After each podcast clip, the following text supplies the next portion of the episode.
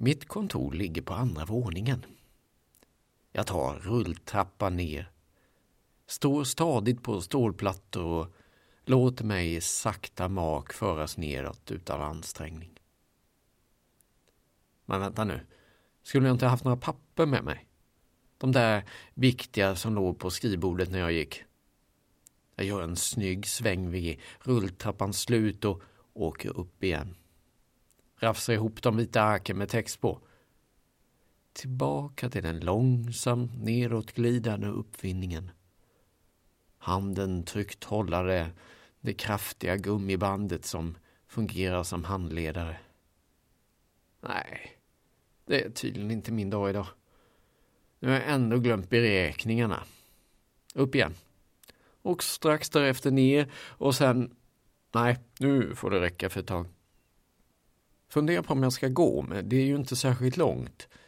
Men eh, tiden är knapp och jag har förlorat en hel del minuter på mitt upp och nedåkande äventyr. Istället väljer jag bussen som närmar sig när jag kommer ut på gatan. Vit, röd och gul är den. Och lång. Längst fram står det tre. Det är bra. Då går den åt rätt håll. Det är fullsatt och jag ställer mig i dagspelet mitt i bussen och försöker hålla balansen i svängarna. Mötet går bra. Det var egentligen inga konstigheter. Bestämmer mig för att gå tillbaka och ta vägen via parken vid järnvägsstationen. Det blir en omväg. Men jag tror att jag tappade min klocka här igår och därför vill jag leta. Kanske var det när jag passerade den lilla runda dammen. Fram och tillbaka vandrar jag. Den lilla vattensamlingen är full av små grodyngel som simmar runt. Full fart är det verkligen.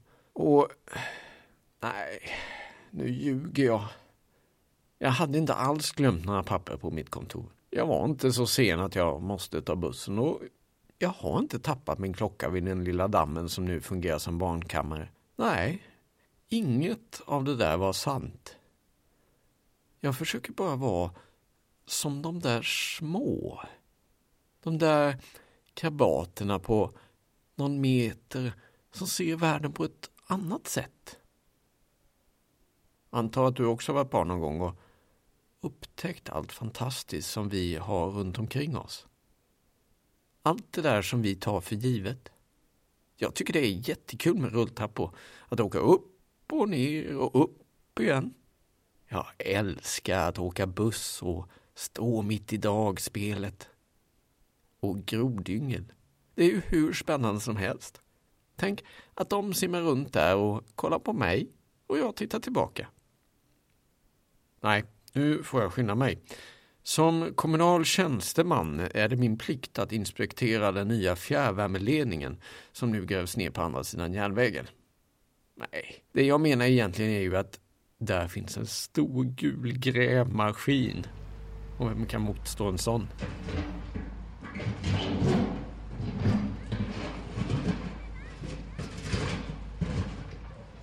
Det är härligt att upptäcka världen.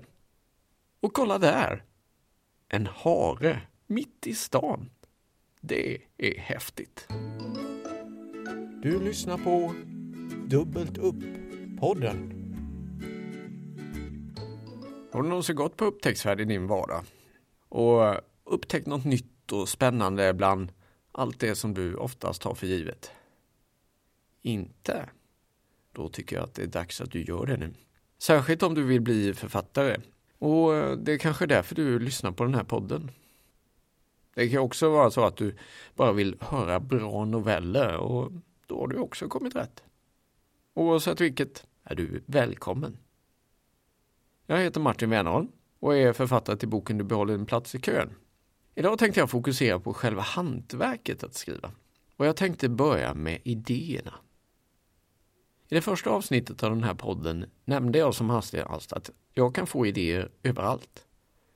Det jag läste nyss, det var novellen Med öppna ögon. Här har jag tänkt mig att jag blir barn på nytt och upptäcker allt runt omkring mig precis som om det hade varit första gången. Ska du skriva en självbiografi om dig själv kanske det inte behövs, men för att kunna bli författare måste man ju kunna sätta sig in i andra personers situation och tankar och fundera över hur de skulle beskriva det de ser. Det kanske inte alls blir samma beskrivning som om du själv skriver den. Vilka idéer du behöver beror naturligtvis på vad du ska skriva. Du kanske inte behöver samma idéer till en historisk roman som till en deckare som utspelar sig på en Finlandsfärja. Och vill du till exempel skriva fantasy, ja då kan det vara en bra idé att läsa mycket fantasy så du får en känsla för genren. Och fundera över hur ser samhället ut där din bok ska utspelas? Vet du redan vilka karaktärer som ska finnas där? Annars måste du hitta på dem. Även till din blivande fantasyroman kan det faktiskt gå att låna utseende eller beteende från dina grannar eller någon på jobbet. Tänk på alla du möter, hur du skulle kunna använda dem till en till exempel en otäck mördare i din nästa thriller. Okej, okay, ta, ta det lite lugnt nu va. Eh, det är ju inte bra att sitta på anställningsintervju och, och tänka på den blivande chefen som en massmördare. Nej, alltså risken är ju då att du säger helt fel saker. Och ska du istället skriva något mer faktabaserat så måste du ju veta en massa. Tänk till exempel en frågespalt. Ja, då får du ju förhoppningsvis idéerna serverade från undrade läsare och då ska du med din förhoppningsvis briljanta kunskap ge kloka svar. Och får du inte frågorna, ja då blir det värre för då måste du komma på både fråga och svar. Stackars dig. Jag har faktiskt skrivit en frågespalt en gång. Jag skulle inte kalla den en novell, men det är ändå en text så ja, den får vara med.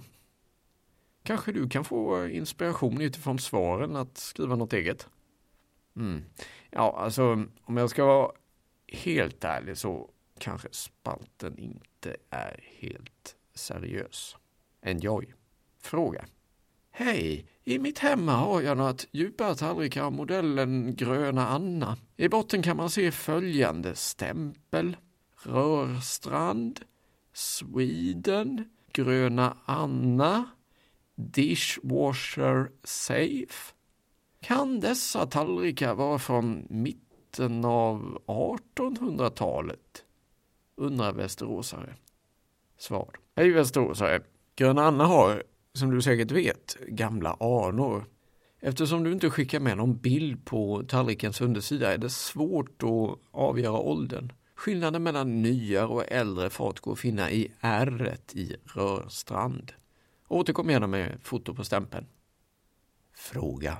Jag har en vacker oljemålning föreställande ett småländskt landskap.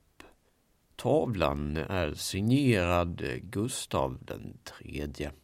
Jag har talat med Rikshistoriska museet och enligt deras åldersbedömning är det troligt att den är målad under Gustav den tid. De eh, säger också att signaturen mycket väl kan tillhöra vår forne kung. Eh, vilket eh, värde kan tavlan ha undrar målaren. Svar. Kära målaren. Gustav III var en aktiv man under de åren han levde. 1746 till 1792. Det finns därför ett stort utbud av hans tavlor bevarade idag, ehm, vilket tyvärr innebär att värdet inte är särskilt högt. Men ehm, skicka gärna tavlan till mig och du kan få en 50-lapp för den. Fråga. Hallå! Min mormors farfars bror flyttade i unga år till det Osmanska riket där han arbetade som kock på ett fraktfartyg. Eh, hans specialitet var raggmunk med fläsk och friterade lingon vilket var populärt bland dåtidens kungligheter. Under en av sina resor fraktade fartyget virke till ett blivande palats och han träffade en man vars namn jag inte kommer ihåg. Den person blev anfader till släkten som Vladimir Putin Putin härstammar från i rakt nedstigande led. Nu till min fråga. Förra veckan köpte jag en tändsticksask i tobaksaffären här i stan. Nere i det högra hörnet på asken var det en röd cirkel. Kan asken vara värdefull? Boende i innerstan undrar detta. Svar. Hallå, vilken fantastisk historia. Jag kan riktigt se framför mig hur din släkting stod där med sin blåa skepparmössa. Med en sån bakgrundshistoria och rätt köpare, ja, då kan du få 20 000 kronor för din tändsticksask. Var rädd om den. Fråga. Jag har ärvt en gammal kinesisk vas från min faster. Efter att ha sökt lite på nätet har jag en känsla av att den kan vara gammal och därmed värdefull. För att du lättare ska kunna bedöma den har jag slagit bort en skärva som jag skickar med. Vad tror du? undrar Anonym. Svar. Bäst anonym. Jag säger bara att detta verkar vara en välbevarad vas från tidig Ming-dynastin. En hel sådan vas är ovärderlig. Jag återsänder därför skärvan så kan du klistra dit den igen. Nästa vecka svarar vår lokala veterinär på era frågor om djur och deras sjukdomar. Skicka in sällskapsdjur som till exempel era förkylda vandrande pinnar, trötta hundar eller skrikande papegojor. Större djur, typ elefanter eller giraffer, bör inte skickas på posten utan istället lämnas direkt hos redaktionen.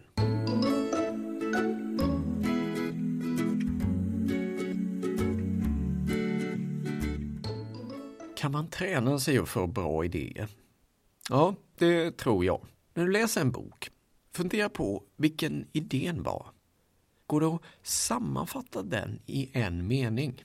Eller skriv upp små citat som du stöter på någonstans i vardagen. En eh, kollega på jobbet skriver en blogg eh, som ja, är ytterligare en typ av spännande skrivande. Hon berättar att hon får mycket uppslag vid kaffeautomaten i fikarummet. Små tankar som först inte verkar vara så spännande men blir till något mer på hennes blogg.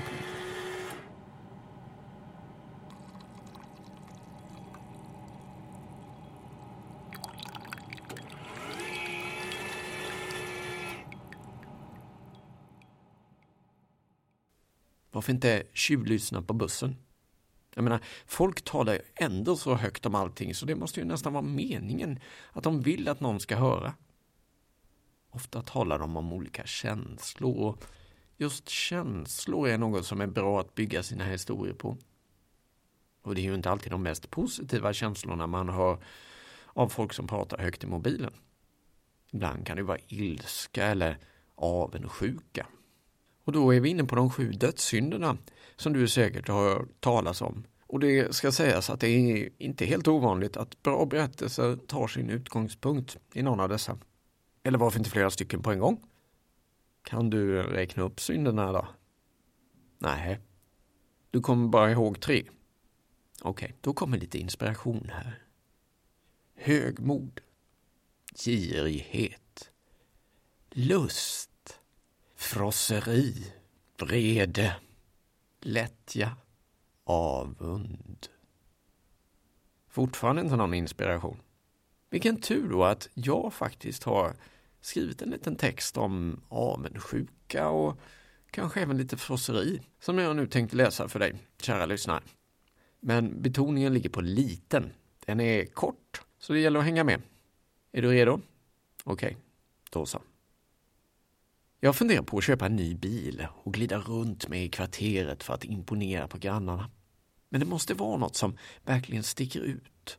Något speciellt. Um, kanske en egen sopbil.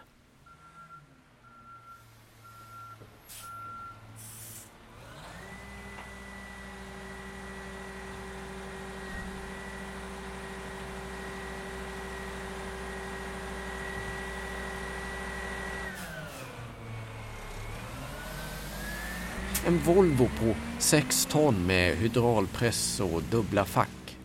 Ett för brännbart och ett för matavfall. Jag kan riktigt höra grannarna. Nej, nu har Olsson köpt en ny sopbil igen. Det måste vi också göra. Och tänk hur förvånade sopkörarna blir när det redan är tömt. En stor vit sopbil. Det är drömmen. Eller kanske en Porsche.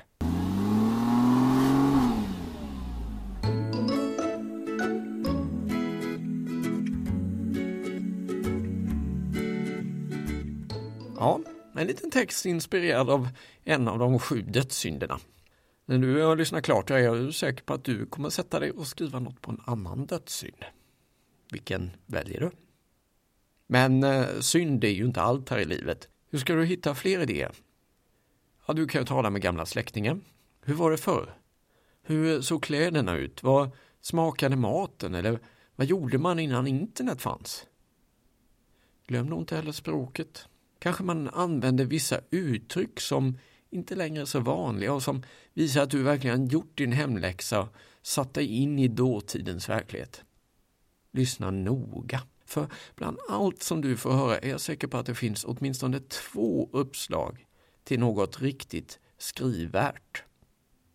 Ja, skrivvärt, ja. För att få fram något läsvärt måste du först naturligtvis ha något skrivvärt. Det säger ju sig självt. Och gör det inte det så har jag förklarat det nu. Det där med att gå in i någon annans perspektiv är ett bra knep, men det är inte alltid lätt. Men det är bra att öva på. En variant är att skriva samma historia, men i två varianter. Där du lever dig in i två olika personers tankesätt. Okej, okay, det låter lite knepigt kan jag tänka mig. Och det är ju inte meningen. Det är ju inte teoretisk fysik jag ska lära ut. Utan jag gör så här. Jag ger ett exempel istället. Egentligen är det här samma text kan man säga. Men i två versioner med helt olika perspektiv. Okej, okay? då börjar vi med variant nummer ett av texten Eldens sken. De dagliga promenaderna bland de stora granarnas lugna rörelse får hennes tankar att för åtminstone en liten stund fokusera på något annat än verken i högerbenet. Det är länge sedan nu. Kanske 70 år. Men hon kan fortfarande känna den där stickande lukten. Hon minns hur hennes mor, som nästan aldrig annars lämnade köket, plötsligt var ute i skogen tillsammans med alla grannar och våta granruskor och försökte slå ner elden. Och hur modern kom hem kolsvart i ansiktet och med ögon som bara var tomma. Ögon som hade sett granskogens trygghet slukas i lågorna.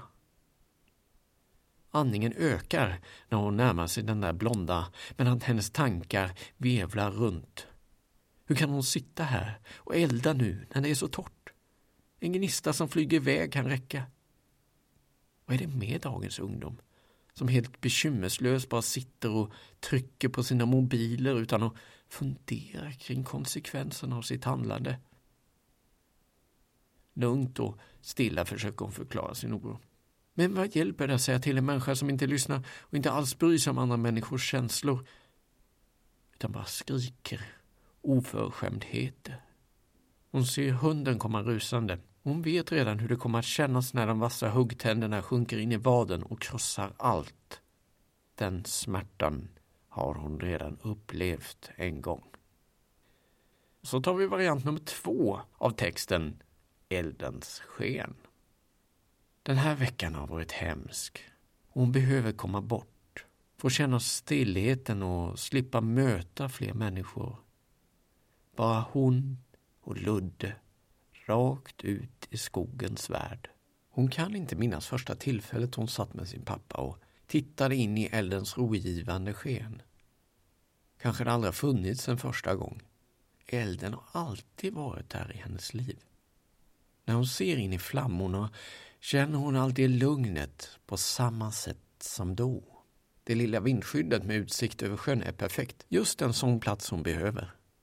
Granskogen skapar en tät, trygg skärm bakom henne. Hon släpper loss Ludde, som lägger sig att vila och hon tänder en eld vid grillplatsen. Precis när hon börjar känna stillheten kommer någon på stigen och stör hennes funderingar. Här kommer en surkärring. Hon hojtar om skogsbränder. Att jag ställt fram vattendunken som beredskap hjälper inte som förklaring. Tanten lyssnar ju inte. Istället börjar idioten skrika att Ludde minsann måste vara kopplad. Ludde, som aldrig går fram till främlingar utan som bara reser och med viftande svans väntar in den oförskämda. För vissa är det enda som betyder något att få klaga, det är väl det som håller dem vid liv. De bryr sig helt enkelt inte om andra människors känslor. Och inser inte hur andras vardag kan vara en pina. De bara lallar runt i sin trygga pensionärstillvaro utan att ha något vettigt att göra.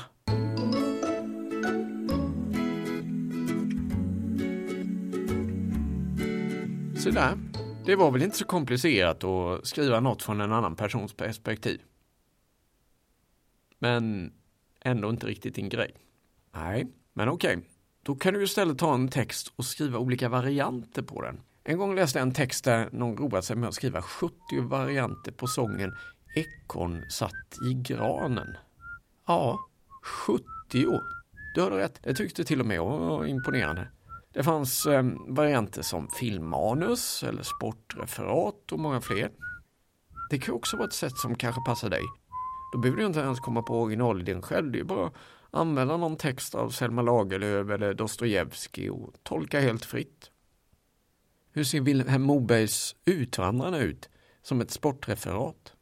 Eller skriv inte det förresten, för nu blir jag så nyfiken så jag vill testa det själv. Vi får se om du eller jag hinner först.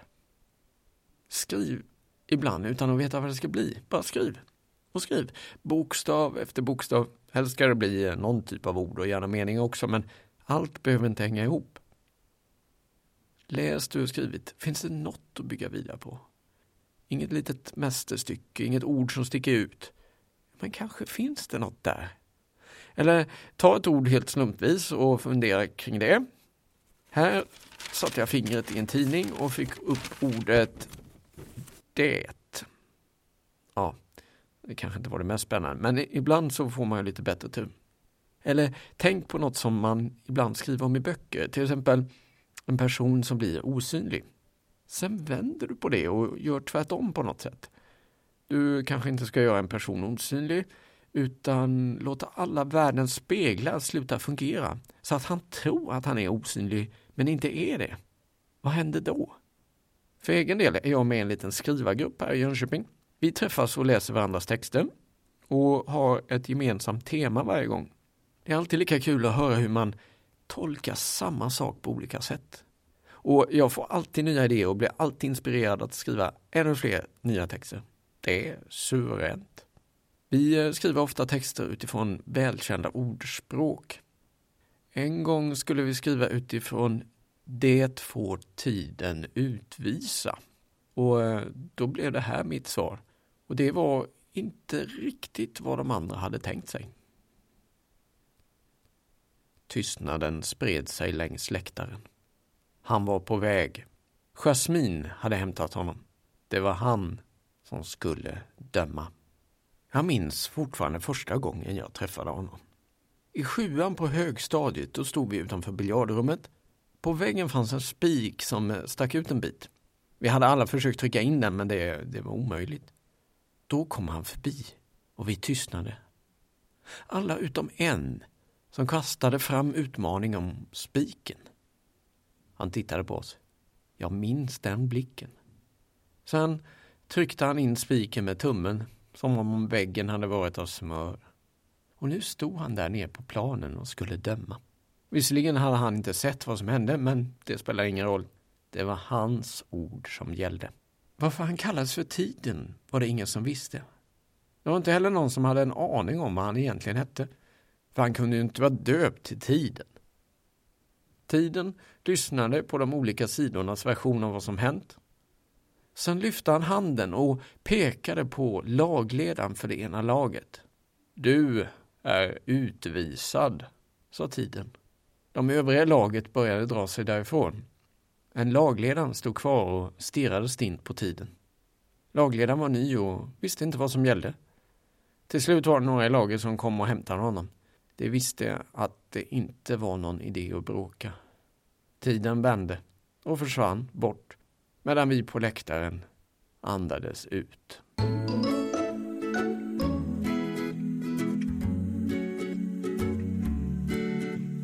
Ja, det där var det får tiden utvisa. Dessutom visar jag här ett exempel på hur en händelse som du upplevt kan bli en del i en helt påhittad historia. Jag har faktiskt en gång på högstadiet sett en kille trycka in en spik i väggen som vi andra inte hade lyckats med. Och den där händelsen hade jag sparat någonstans i bakhuvudet. Eller pannloben eller vad nu minnet sitter.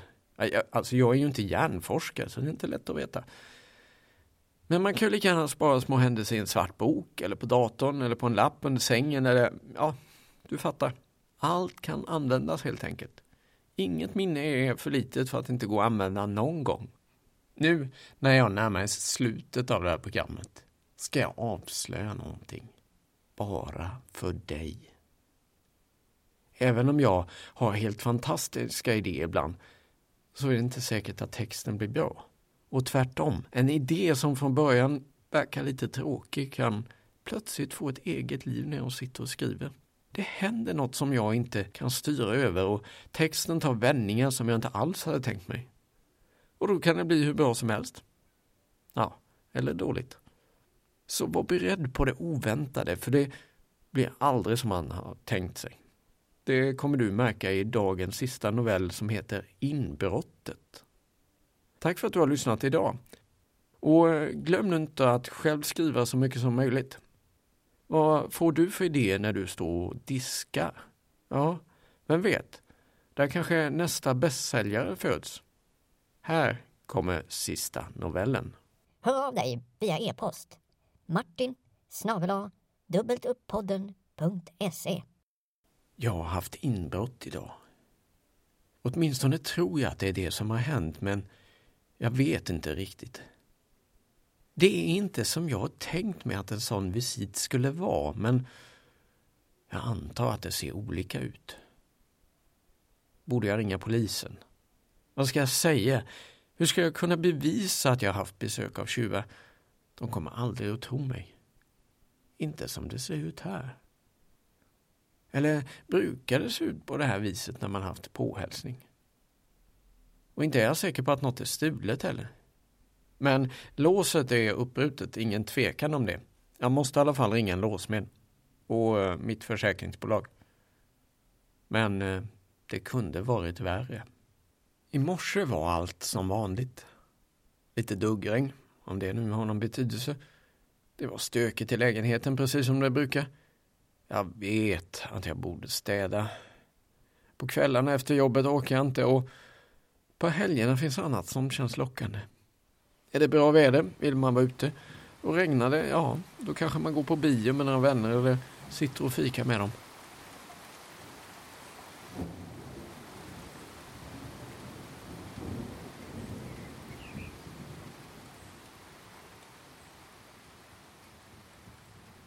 Men jag borde städa för att kunna bjuda hem dem. Det känns inte roligt när det ligger saker överallt och solen obarmhärtigt avslöjar att fönstren borde ha putsats för länge sedan. Och den rena tvätten borde ha vikit ihop. Allt det där var alltså som vilken dag som helst när jag låste ytterdörren. Klockan var ungefär tio minuter över sju. Dagen på jobbet gick också på rutin med mycket telefon och möten. Redan i trappuppgången på väg mot hemmets lugna vrå fick jag en konstig känsla i magen. Det är svårt att beskriva men det var något. Eller är det jag som nu i efterhand får för mig saker? Jag satte nyckeln i låset och dörren gick upp direkt. Först då såg jag brytmärkena. Håret reste sig på armarna. Det var tyst. Mycket mycket tyst.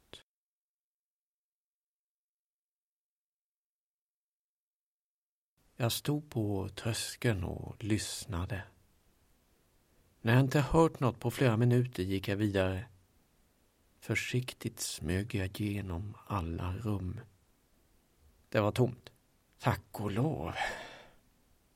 Nu har det gått en halvtimme sedan jag kom hem. Och jag har fortfarande inte ringt polisen. För inget är sig likt.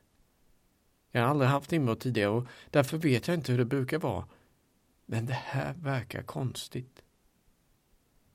Tvätten är prydligt hopvikt och inlagd i skåpet. Cykeln som stått i hallen för att inte bli stulen har inte längre punktering. Berget med disk är borta Åtminstone fönstren i vardagsrummet är skinande rena. Ska det vara så här?